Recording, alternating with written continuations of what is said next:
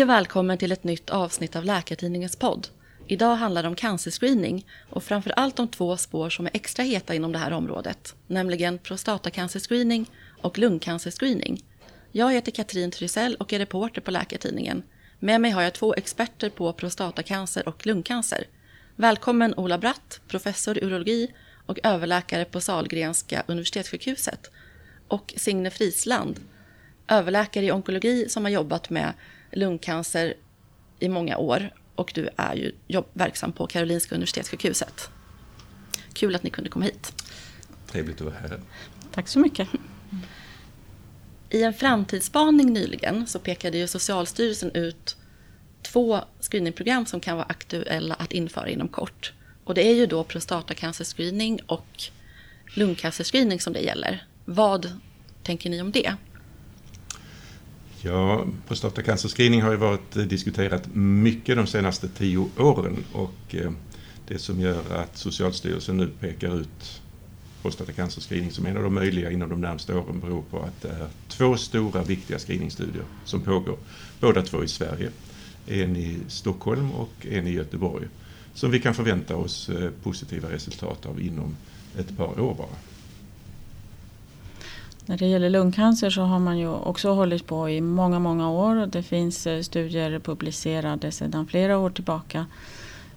Men man har haft svårt att hitta de riktiga riskgrupperna där man ser en eh, överlevnadsvinst. Och det som har hänt nu är att det är en eh, stor studie som är publicerad.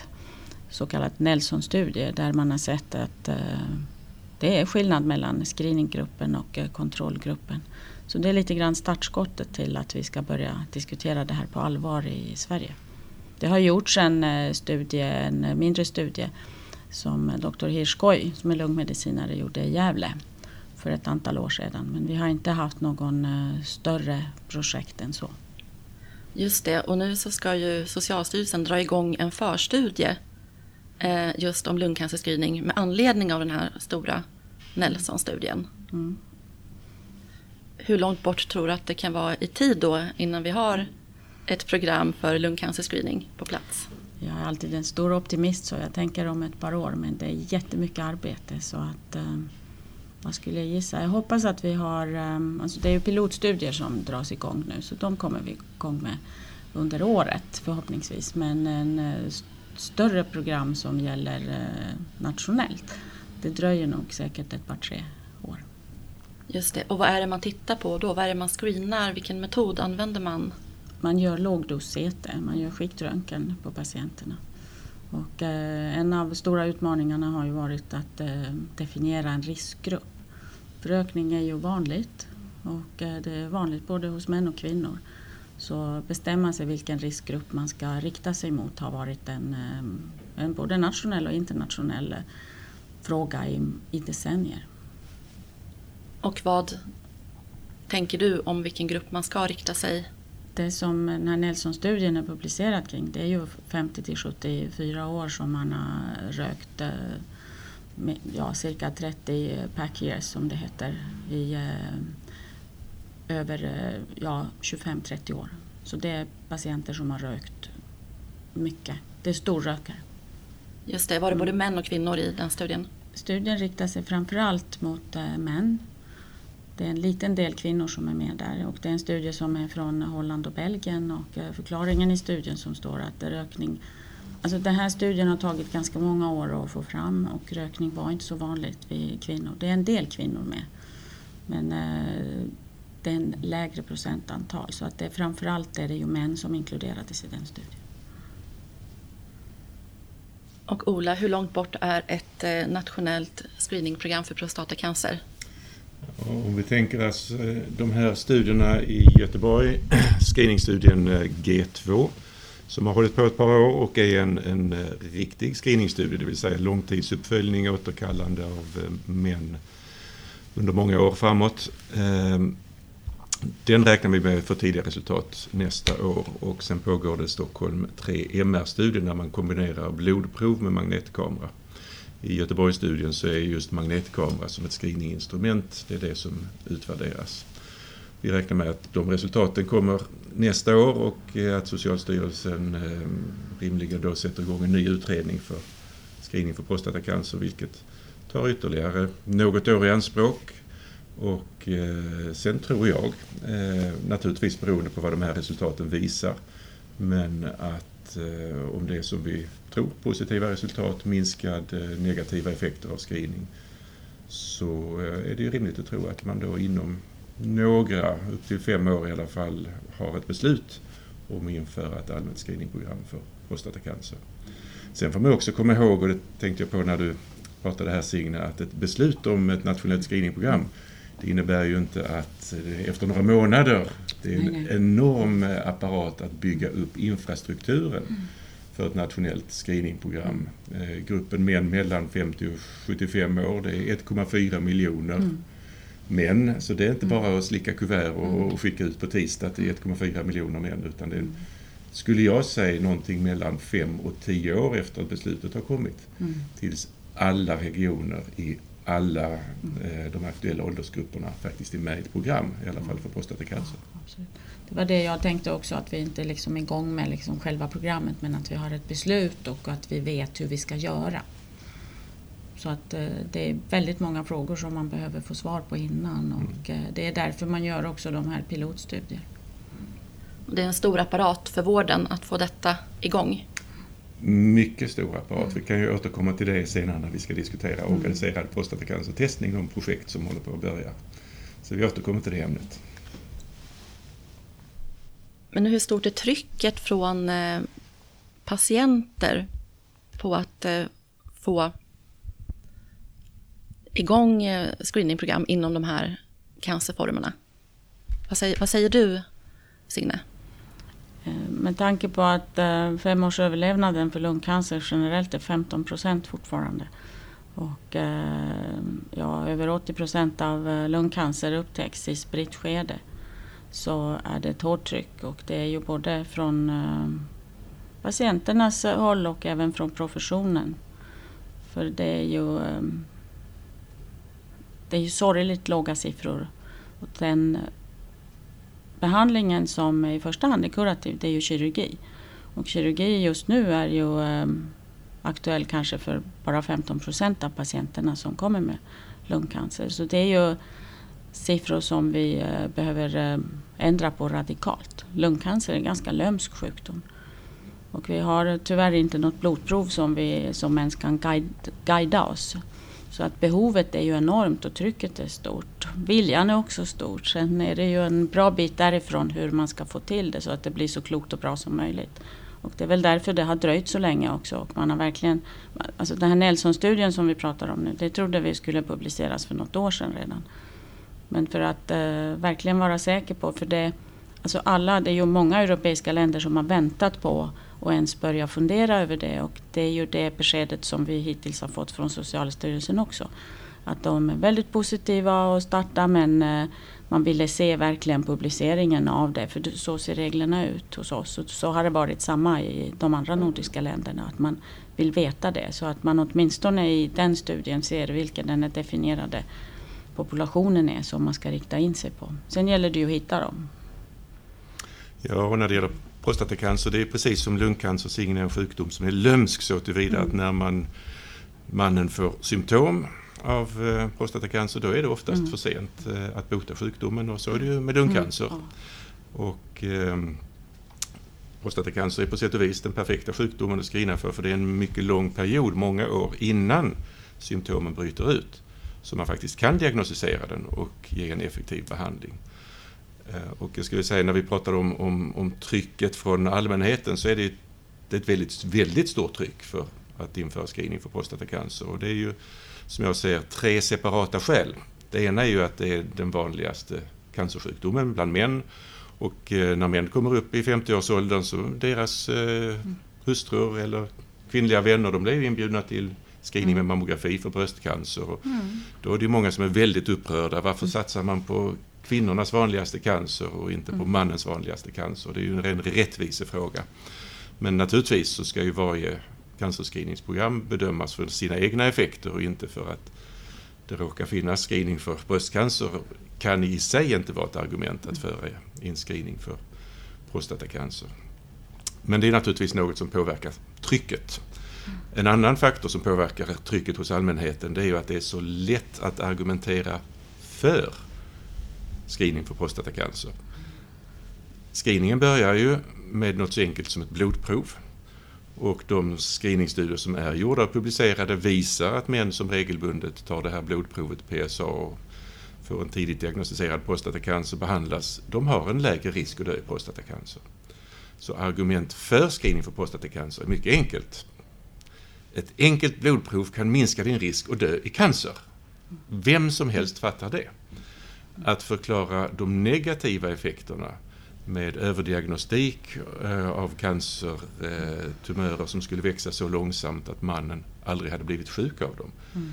Det tar väldigt lång tid. Jag har debatterat många gånger även med, med journalister som ska ha läst på länge i TV och sen halvvägs in. Så du menar att man kan ha cancer utan att bli sjuk av det?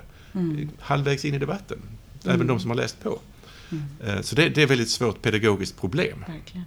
Och sen det tredje är ju eh, patientorganisationer och även patienter som inte är organiserade är ju väldigt för screening. Men de ser ju saken ur ett personligt perspektiv. Om vi tar mannen som har kommit för sent till diagnos, och det är ju många idag naturligtvis, eftersom vi inte har screening, som kommer till diagnos med en spridd eller lokalt avancerad obotlig prostatacancer. Och det är klart, de tänker, hade vi haft screening så hade jag sluppit det här eländet, mm. den här obotliga cancersjukdomen, smärtorna från skelettmetastaser. Så de är naturligtvis stark påtryckargrupp. Sen har vi alla män som har fått sin cancer upptäckt genom det här blodprovet PSA, en liten cancer. Hur känner de sig? Naturligtvis, jag blev räddad tack vare blodprovet. Det är ju inte så när vi har opererat en man för en liten prostatacancer. Han är förmodligen av med den här för evigt. Att vi säger, ja, ja Sven, det, är ju bra, men det, förmodligen är det så att du hade mått lika bra utan den här operationen. Naturligtvis så lägger vi fram det för individen så positivt som möjligt. Det var ju bra att du blev upptäckt tidigt och nu eh, är risken för återfall väldigt liten. Så att både att alla de som i själva verket kanske har tagit skada av screeningen, de är ju för screening eftersom de intalar sig själva att tack vare testet så blev jag hittad. Mm. Min cancer blev hittad i tid och jag blev botad. Och det går inte heller att argumentera emot naturligtvis av hänsyn till individen. Mm.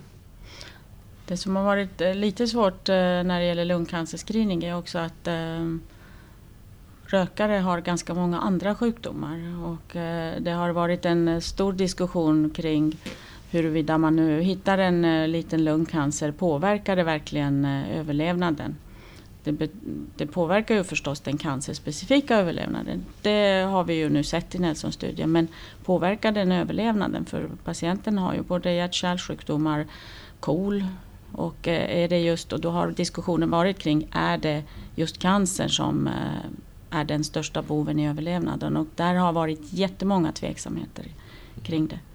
Lite grann samma som eh, du sa Ola, att en liten cancer, hade det egentligen spelat någon roll? Mm, och nu är det, det som är lite trixigt nu är att eh, vi ser ju att eh, lungcancer som fortfarande är rökarnas sjukdom, det är ju över 90 procent av de som får lungcancer, är fortfarande rökare eller före detta rökare. Men det som är oroande är att eh, lungcancer hos icke-rökare eh, ökar sakta och det har inte vi riktigt, riktigt bra koll på. Och det har ju också börjat öka hos kvinnor. Även om rökning hos kvinnor har ju ökat mycket de senaste åren. Vi hoppas att det ska dala av nu men eh, rökning är inte hela, hela sanningen.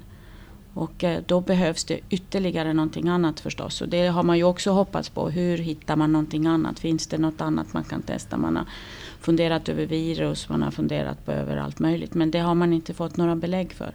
Så att rökning är det som är liksom det som vi kan um, studera och ta hänsyn till. Men frågan är extremt komplicerad.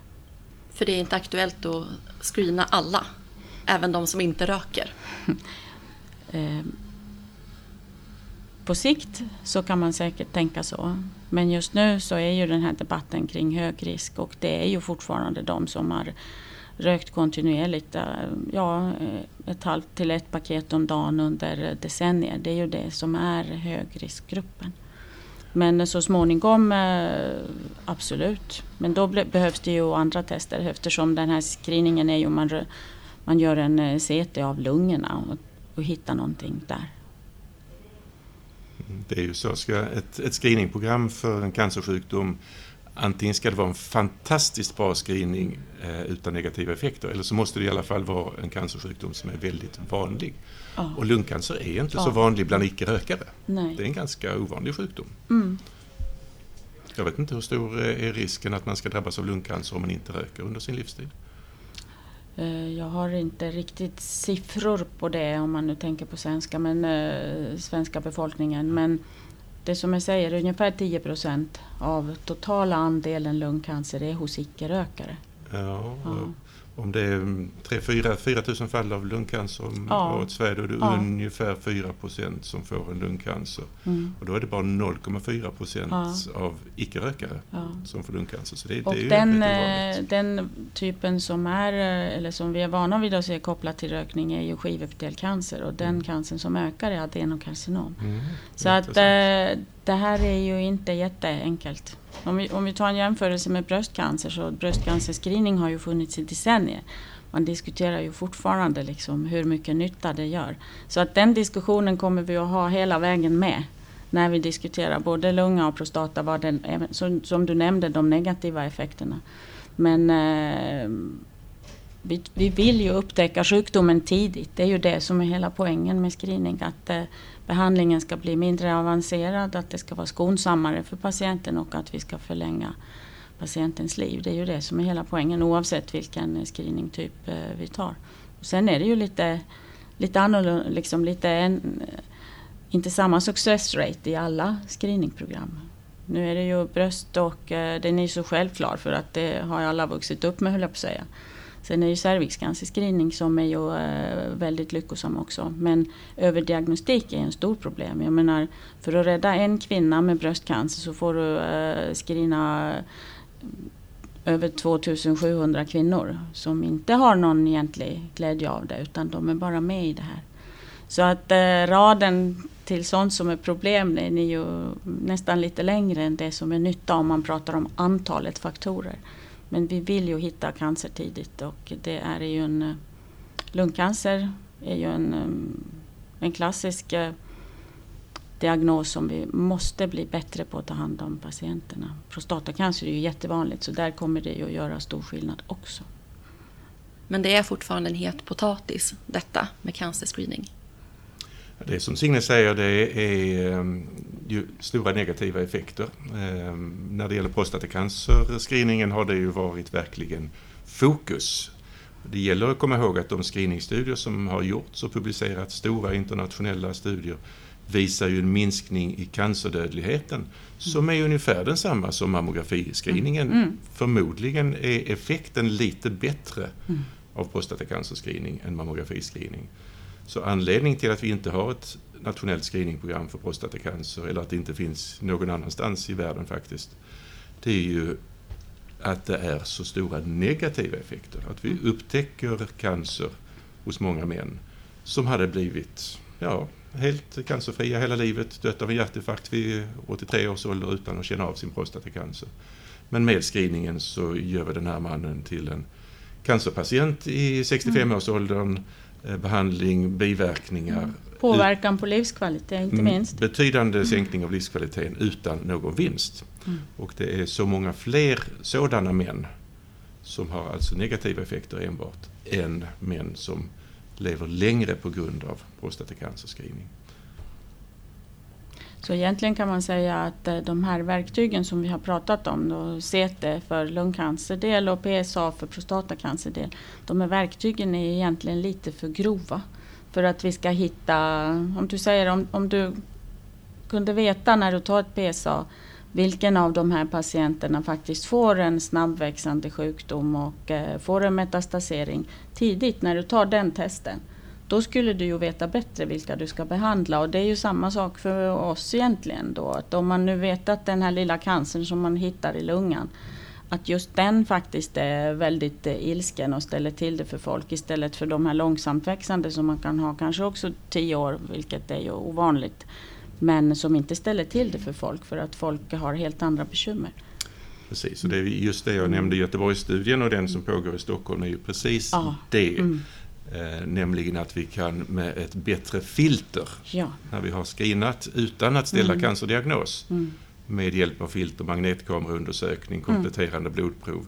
Så de som väl får en cancerdiagnos efter den typen av prostatacancerscreening mm. har de allra flesta en allvarlig cancer som behöver behandlas. Så att det är de nya testerna i den diagnostiska algoritmen syftar till att minska överdiagnostiken. Och sannolikt är de framgångsrika, men det är ju det som studierna ska utvisa. Mm. Lite grann som man har diskuterat för bröst nu är att eh, olika grupper ska screenas olika beroende på exempelvis tätheten i körtelvävnad i bröstet. Att det är helt olika risk och då väljer man eh, ut den gruppen som behöver gå screena sig oftare mot de som kanske behöver göra det bara någon gång. Och det är ju en jätteutmaning och det är ju helt ny kunskap som vi har eh, fått ta till oss senaste åren, eller hur? Precis, och då kan jag flika in där att det är ytterligare en framgång på prostatacancerscreeningen. Vi vet nu att de med mycket låga PSA-värden mm. har en väldigt liten risk få allvarlig prostatacancer på 8-10 mm. års sikt. Mm. Så en tredjedel av alla män skulle kunna screenas med tre eller fyra PSA-prov hela livet. Mm. Så man borta med mer än en tredjedel av alla män. Alltså 1,4 miljoner män. 400 000 mm. av de här skulle kunna screenas med bara mm. tre PSA-prov för en hundralapp stycket. Mm. Det är fantastiskt bra. Ja, och så riktar vi in screeningen på de som verkligen har en hög risk. Det låter fantastiskt. Eh, vi tittar på storleken på eh, förändringen på CT. Mm. Mm. Så att det, det är jättemycket forskning som pågår också. Att man lägger till blodprover och mm. kopplar det. Man tittar olika markörer och sen kopplar man det till tumörer och tillväxthastighet och så. Så att vi knappar in på det men eh, låter som en ljuv musik i mina öron. Men eh, när det gäller prostatacancerscreening då sa ju Socialstyrelsen fortfarande nej 2018 och då var ju du ordförande i sakkunniggruppen där. Eh, och nu blir det organiserad PSA-testning istället. Vad är det och vad är skillnaden mot ett eh, nationellt screeningprogram? Ja, det är en bra fråga. Eh, innan, eller samtidigt som Socialstyrelsen i, nästan på dagen för eh, två år sedan gav det preliminära svaret på sin utredning, ett fortsatt nej till screening, så agerade Socialdepartementet och initierade en expertgrupp som skulle titta på hur prostatacancerdiagnostiken går till i Sverige. Eh, och det mynnade ut i det som nu är organiserad prostatacancertestning. Och du var eh, du ledde den expertgruppen? Precis, jag ledde den expertgruppen också. Jag är ordförande för den nationella arbetsgruppen om organiserad prostatacancertestning. Och vad är då organiserad prostatacancertestning till skillnad från screening? Vad Socialstyrelsen tog ställning till det var ett nationellt screeningprogram som man ju rullar ut, så vi pratade om en jättestor historia på 10 års, 5-10 års sikt, gigantisk satsning. Och utvärderingen av screening gjordes ju mot ingen screening, ingen PSA-testning eller mycket låg PSA-testning i befolkningen. Och då kom Socialstyrelsen till slutsatsen att i förhållande till en låg PSA-testning så skulle det här inte uppenbart eh, vara bättre än de nackdelar som det finns. Men nu är det ju så att i dagens Sverige så PSA-testar sig de allra flesta män i alla fall. Över två tredjedelar av män i 70-75 års åldern har redan PSA-testat sig. Det är andelar som är fullt jämförbara med många screeningstudier. Mm. Så i själva verket har vi ju en enormt utbredd prostatacancertestning i Sverige som är oorganiserad, den är oinformerad, men vet inte om att det finns nackdelar. Mm. Som jag sa, fördelarna är lätta att tala mm. om för sin granne eller mm. någon annan. Den är ineffektiv, många män testar sig alldeles för ofta. Många män som behöver utredas kommer inte till utredning. Och den är enormt resurskrävande. I ett screeningprogram då har vi en dator som spottar ut automatiska svarsbrev. Vartenda PSA-prov som tas i Sverige idag tittas på av en läkare som säger jaha, svensk PSA har gått upp från 4,2 till 4,7 på ett halvår. Det är nog bäst vi tar ett nytt prov om tre månader så skriver läkaren ett svar till Kalle. Enormt resurskrävande. Så Socialstyrelsens eh, initiativ kom ju till för att vi måste bringa ordning och använda våra resurser bättre. Så det är en anledning att organisera det som pågår. Den andra anledningen är att det behövs kunskap. Socialstyrelsens utredning pekade på tydliga kunskapsluckor när det gäller organisatoriska aspekter. Screeningstudierna gjordes på 90-talet, huvudsakligen början på 00-talet. Och skulle vi införa screening idag är det massor vi inte vet. Hur många män kommer? Hur fungerar tester idag i en befolkning som redan är PSA-testad? Och enda sättet att fylla de kunskapsluckorna det är att göra en screeningliknande verksamhet. Så ett eh, handlar det om att bringa ordning i oredan. Två handlar det om att eh, få kunskap. Det här är ju projekt som utvärderas på kort sikt och kan stängas av efter tre år. Mm. Det kan man inte göra med ett nationellt screeningprogram, säger Socialstyrelsen. Mm. Ja, så måste man måste vänta, man mm. måste man köra och utvärdera när hela nationella screeningprogrammet är på plats efter tio år.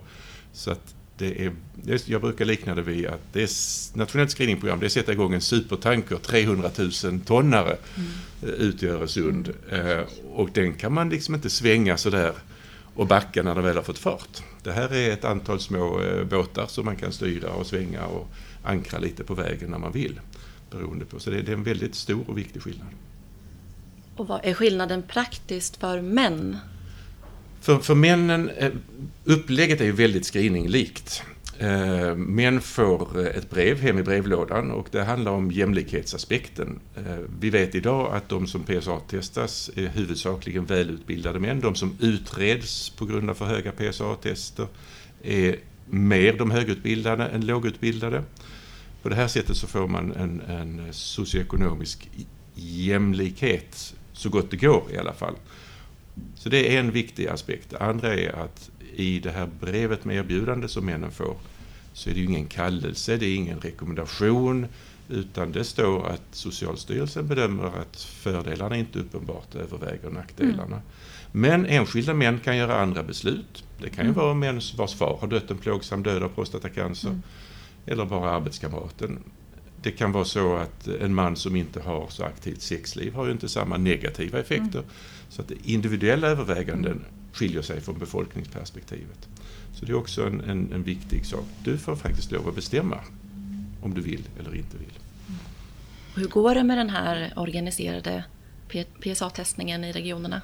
Eh, det är två regioner som går i bräschen. Det är Västra Götalandsregionen och Region Skåne som nu eh, har förberett sig under eh, ett par år faktiskt. Eh, och nu om en och en halv månad så går de första breven ut. I Region Skåne så kommer man till att eh, erbjuda testning till 2000 män under detta år.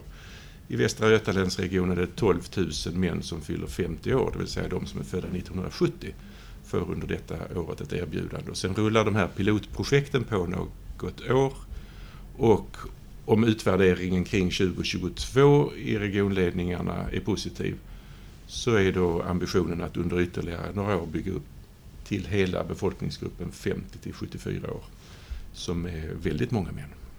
Och sen kommer andra regioner säkert att följa efter. Två eh, regioner pågår projekt. Väldigt många regioner är i förberedelsefas men väntar på de preliminära resultaten och organisatoriska erfarenheter från Skåne och Västra Götaland. Så det är många som är på gång ändå? Jag skulle säga nu är det vi två. Om tre år är det kanske ytterligare en handfull regioner som är fullt inne i projekt. Och det blir en väldigt lämplig länk över till ett nationellt screeningprogram. För mm. då finns det erfarenhet, mm. infrastrukturer uppbyggda. Så det, det, är en väldigt positiv utveckling. Mm. Prostata har ju kommit mycket längre än lungcancer har gjort.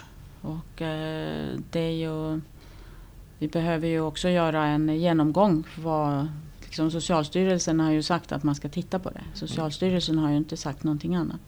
Och under tiden är ju då, de närmaste är ju ett projekt i Stockholm som startar och det är ju eh, ett pilotprojekt där eh, kvinnor som går till mammografi blir tillfrågade om deras rökvanor och om de är intresserade och genomgå eh, en CT, vilket då de som är det blir erbjudna. Och sen har man ett projekt i Gävle där eh, Hirschkoj är initiativtagare till det.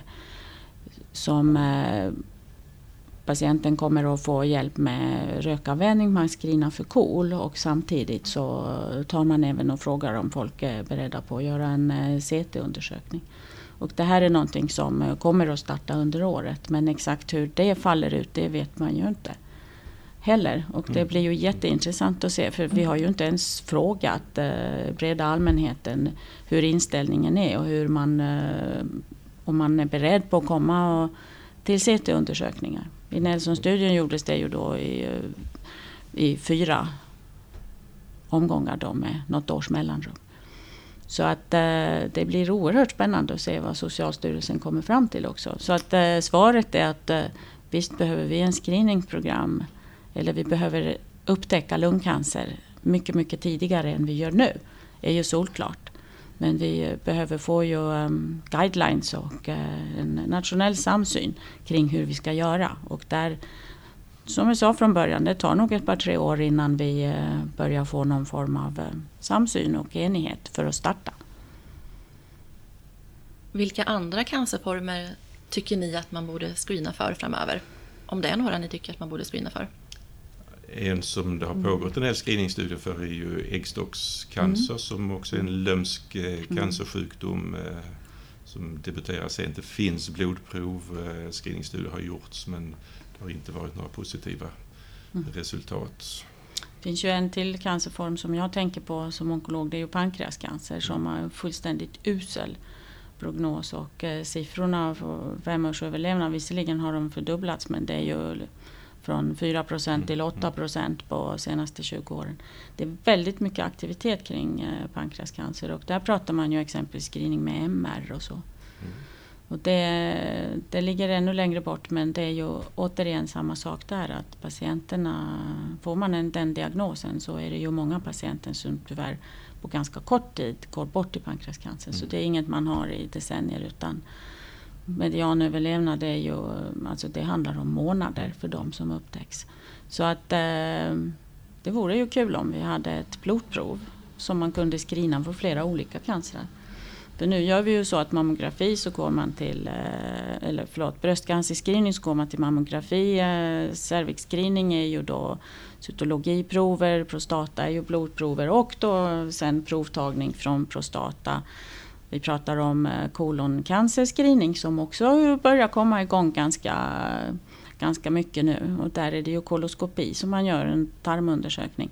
Så det är ju rätt omständiga undersökningar som är, inte alla är ju så helt, helt enkla och bekväma.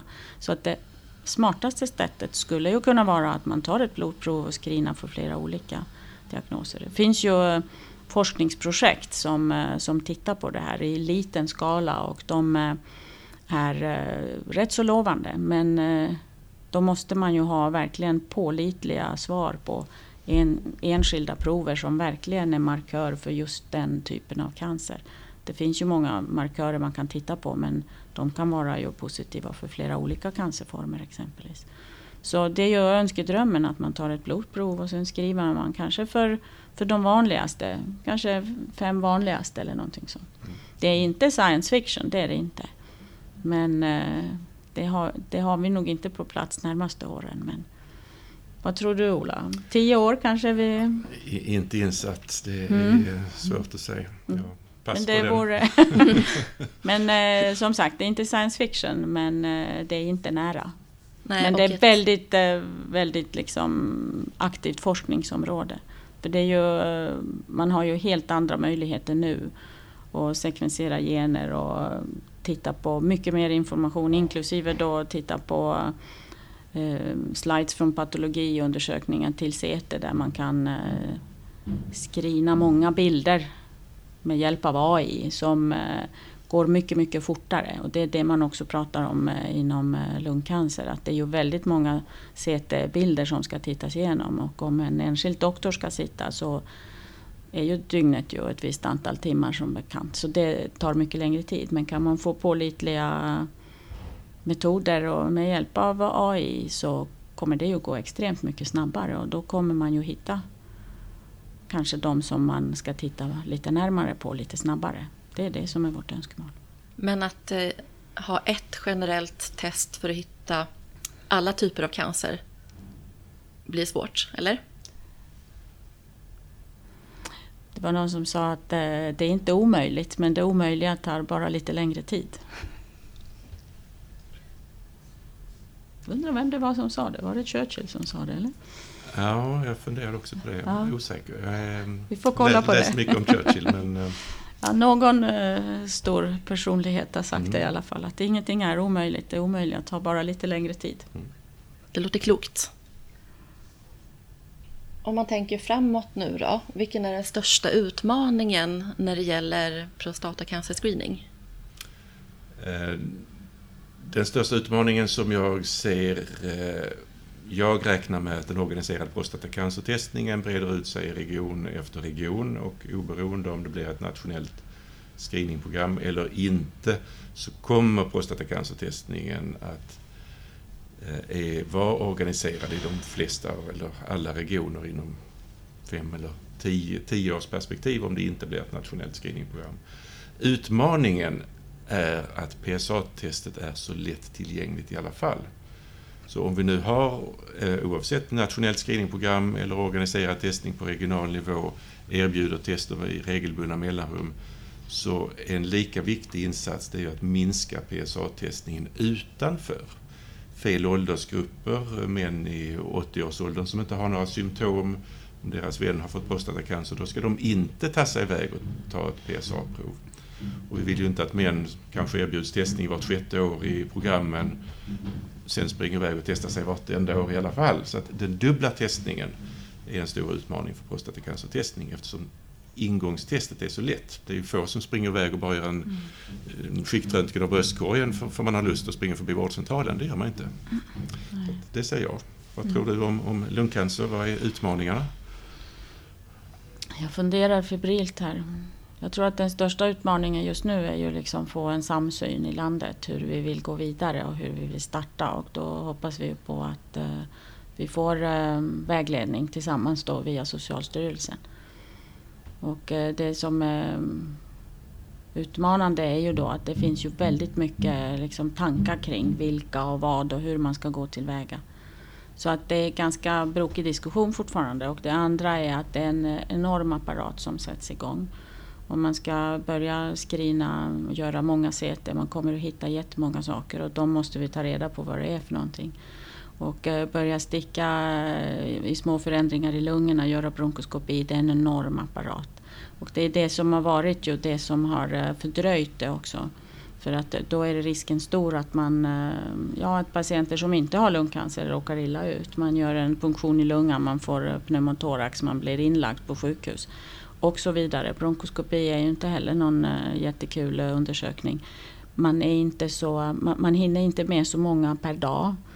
Så att eh, undersökningarna för att ta reda på om det man hittar är farligt eller inte, de är fortfarande lite långsamma och enormt resurskrävande.